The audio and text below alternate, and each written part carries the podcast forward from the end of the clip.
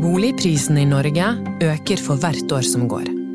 Overskrifter om salgsfest og folk som sitter igjen med store fortjenester på boligsalg, har preget nyhetsbildet. Men for noen betyr det at drømmen om egen bolig varer enda lenger unna. Nei, det er faktisk eh, nitrist. Vi har betalt ned over millionen iallfall. Det er noen som har eh, sikkert fem-seks hus, for, for alt jeg vet. Dette er historien om en av de. Du hører på Hva skjedde? Jeg er Anna Magnus.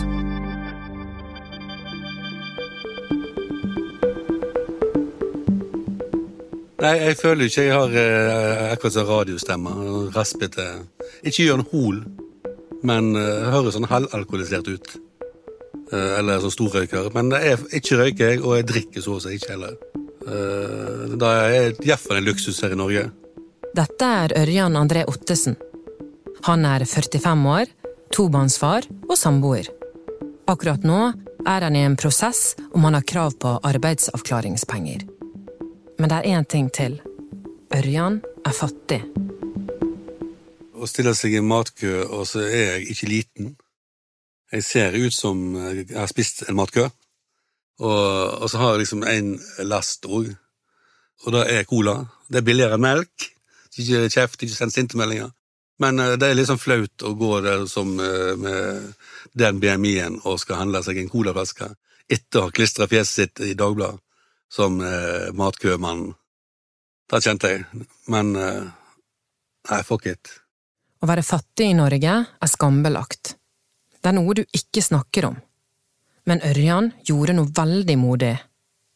I mars i år fortalte han offentlig om følelsen av å drukne i skam og i ubetalte regninger til kreditorer. Ja, Da delte jeg vel egentlig en status eh, om dette med å være fattig i Norge. Altså, for det Det er så fælt også, fordi man blir jo Sitter sånn på utsida på alle mulige måter. Tidligere så var jeg mest opptatt av dette med ungene. Jeg er jo da nå òg, men altså at ikke de skulle bli skadelidende. Men nå er det helt ok at de går i brukte klær og sånne ting. Så begynner vi å bli voksnere, og da kjenner vi selvfølgelig på Altså, når du er 45, så skal du ha eid et hus, du skal helst ha en åker stasjonsvogn som går fra A til C, og ikke bare til B. Det er mange av oss som tar for gitt det å eie sitt eget hjem. Men når man er fattig, kan det å eie sin egen bolig være uoppnåelig. I likhet med mange andre ungdommer var ikke Ørjan veldig opptatt av boligsparing og BSU. Jeg var naiv og russ og hadde det gøy, jeg. Jeg hadde ikke ofret en tanke hva som skulle til for å komme boligmarkedet. Sånn som oss nå, vi er veldig opptatt av å snakke om BSU og prøve å forklare litt om dette med penger. Så er det ganske vanskelig nå når alt er elektronisk òg. Så det er nesten enda vanskeligere å forholde seg til det. Ørjan hadde knapt fylt 19 år da han traff kvinnen i sitt liv. Ja, jeg var ikke sånn kjempeklar for oss å slå meg til ro. Eh, men eh, da var Om jeg var forelska? Eh, nei. det var jeg ikke. Men det var veldig rart, fordi eh, hun insisterte på at jo, nå var vi sammen. Eh, hun kom, jeg, da bodde jeg på Stord, og hun eh, bodde i Bergen. Så eh, når hun kom på besøk uten at jeg hadde sagt ja, og skulle ferie igjen, så eh, fikk jeg klar beskjed om at vi var nå et par. Eh, og det tok ikke mer enn noen par besøk, så var jeg nok jeg som mest forelska. Ja. Etter hvert begynte Ørjan å studere på Universitetet i Bergen, og paret flyttet inn i sin første leiebolig på Nordnes. Det som skjer da, det skal jeg hoppe over, men det som skjer ni måneder, noen måneder etterpå igjen, eh, det er jo at uh, da blir hun samboer gravid. Jeg syns det er kjempekjekt, men det, er i forhold til utdanningsløpet så eh, Da hadde hun, eh, jobbet hun på en eiendomsmeglerfirma. Hun var ikke fast ansatt, så hadde hun ingen rettigheter i forhold til å bli gravid. Eh, Og jeg var student, og jeg satt i den der, eh, den der liten, trang, eh, guffen leilighet på Nordnes med lekkerør og Ja, Så da fikk jeg en smule panikk, og da kom den realitetsgreiene. Altså, ok. Så da var liksom det første møtet med å prøve altså, å, få lån. Slå til ro, rett og slett. Slå røtter. I Ørjan ble ønsket om å finne et trygt hjem til sin vesle familie sterkere. Og det er ingenting uvanlig med det. I dag eier 77% av alle nordmenn sin egen bolig. at folk skal eie sitt eget hjem, har vært en politisk ambisjon siden andre verdenskrig. Både høyre- og venstresiden var enige om at det å eie sin egen bolig ga økonomisk trygghet og frihet. Og dette har siden vært en grunnbjelke i det norske systemet. I året 1952, på sin egen 80-årsdag, talte kong Haakon til sine landsmenn. Enhver nordmann skal kunne få sitt eget hjem, således at vi alle sammen kan si at Norge er et lykkelig land. Og med dette ønsket vil jeg be alle om å være med i tre ganger tre hurra for Norge. Hipp, hipp, hipp!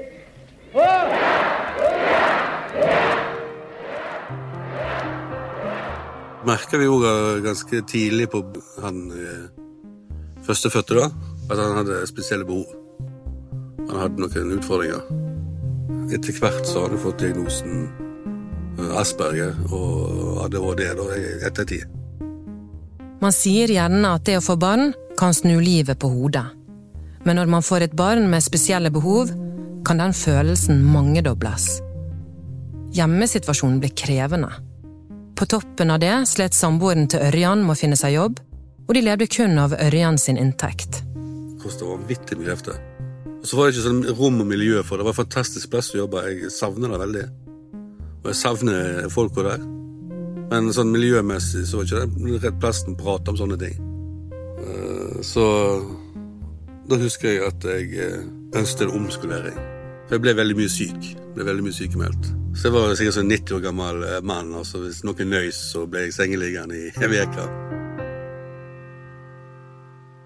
Å vokse opp i en familie med lite penger kan få en rekke negative følger. En forskningsrapport fra Folkehelseinstituttet viser at det er en dokumentert sammenheng mellom lav inntekt og dårlig helse. Ørjan og familien kjenner på behovet om større plass, et sted der barnet deres kan vokse opp. Nå tenker han, nå kan jeg dra til banken og be om et lån. Vi ønsket jo selvfølgelig å eie og ikke betale leie når vi skulle flytte den leiligheten vi bor i nå. Men eh, jeg fikk kun lån eh, på meg siden jeg var én inntekt. Og da husker jeg var på 700 000. Og da er vel eh, campingvogn til Lotepus eller et eller annet sånt. Jeg vet ikke. På grunn av at politikerne i Norge ønsker at folk flest skal eie sin egen bolig, blir man belønnet.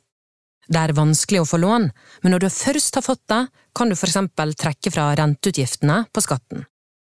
Størst hus og mest lån gir de største subsidiene i kroner og øre. Men for Ørjan og familien er dette bare en drøm. Det er dyrt å være fattig.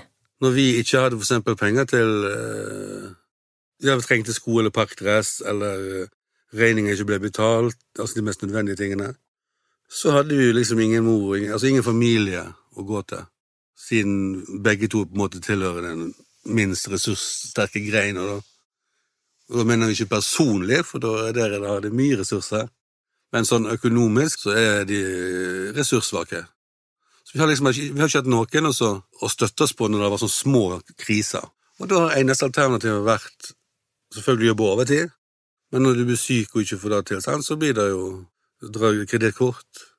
Facebook var jo ikke så stort, og det var ikke så vanlig med disse grupper med brukte klær. og noe. Så nå er det jo på en måte inn, heldigvis. Nå er det jo miljøet. Det er litt hipster nå. Å manøvrere i det økonomiske landskapet krever kunnskap, noe man gjerne blir lært gjennom oppveksten. Mange av oss fikk kanskje en sparegris for å disponere pengene vi fikk i ukelønn. Men hva når det ikke er noe å lære, for det ikke finnes penger å putte på grisen? Jeg tror det er ytterst få som drar et kredittkort og tenker at det er en god idé. Altså Enten så har de kontroll og vet at de får betalt inn før det renter seg, eller så står de egentlig uten Iallfall med en følelse av å være uten valg. Sånn i ettertid kan godt være de kunne brukt sosialmer og sånne ting, men jeg har jo ikke snøring på det heller, jeg. Informasjonsflyten er så elendig, så jeg vet ikke hvor ansvaret ligger, men vi får veldig lite informasjon om rettigheter. Desperate livssituasjoner kan få folk til å ta desperate valg. For Ørjan ble det forbrukslån. Og så er det òg en ting som har spilt inn, så er vår egen feil. Altså, jeg kan ikke fraskyve meg all skyld. Det med, med guttungen, da. Altså den Bekymringen for han var så stor at det nesten sånn at det driter i pengene så lenge det går bra med, med han. Så Der var vi gjerne litt unge og litt naive. sant? Altså, Vi vil ikke han skal være noe dårligere enn andre. Så vi har jo tatt noen uh, uøkonomiske dumme valg. Men jeg må være så ærlig å si at uh, altså det som går på ungene, tror jeg kanskje jeg hadde gjort igjen. Selv om Ja. En, ja, jo. Jeg hadde nok det. Etter krigen var deler av boligmarkedet prisregulert. Men i 1980-årene endret politikken karakter. Markedet ble liberalisert. Nå var det tilbud og etterspørsel som gjaldt. De siste ti årene har boligprisene økt og økt. I 2020 var det salgsfest. På landsbasis steg boligprisene med 8,7 i Bergen med 8,5% For Ørjan betyr dette at det han ønsker seg aller mest, blir bare dyrere. Mens mange kunne feire at de hadde fått stor fortjeneste på salget av boligene sine, skjedde det en ny omveltning i familien til Ørjan. Han ble jo litt større og eh, mestra en del ting litt bedre. Og, og, så begynte vi faktisk å fantasere om at ok, nå kan vi begynne å leve litt. Grann. Så kan vi begynne å være litt kjærester. Så begynte vi å fantasere, jeg fantasere om sånne harry campingliv og grilldresser og uh, egentlig ting som jeg sånn elsk-hat-forhold uh, til. For jeg sliter med campingfolk, men bare den frihetsfølelsen. Jippi, dette skal bli deilig. Og i det, sikkert det samme minuttet hun kjente at det jippi, dette blir deilig, så ble hun gravid.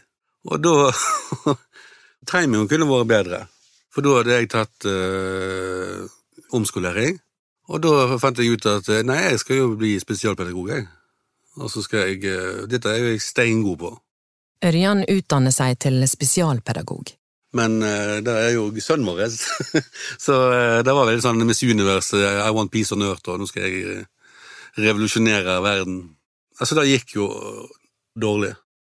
Jeg var flink i jobben, Eh, men i motsetning til tidligere, sant, når jeg jobber med i industrien, så jobber du med stål og døde ting. Da spiller ingen rolle om du ikke har en god dag da. Men når du jobber med, med unger, sant, så Og spesielt når jeg har barn sjøl med spesielle behov, så vet jeg hvor ekstremt viktig de assistentene og lærerne så, At de er stabile i livet hans. Så når jeg da fortsatt var mye sjuk pga. slitasje, økonomiske bekymringer, ikke minst, så ble det veldig mye på, på en gang, altså. Så da, eh, når vi da vikariatet gikk ut, sa jeg vel egentlig da at jeg ikke eh, ønsket å fortsette.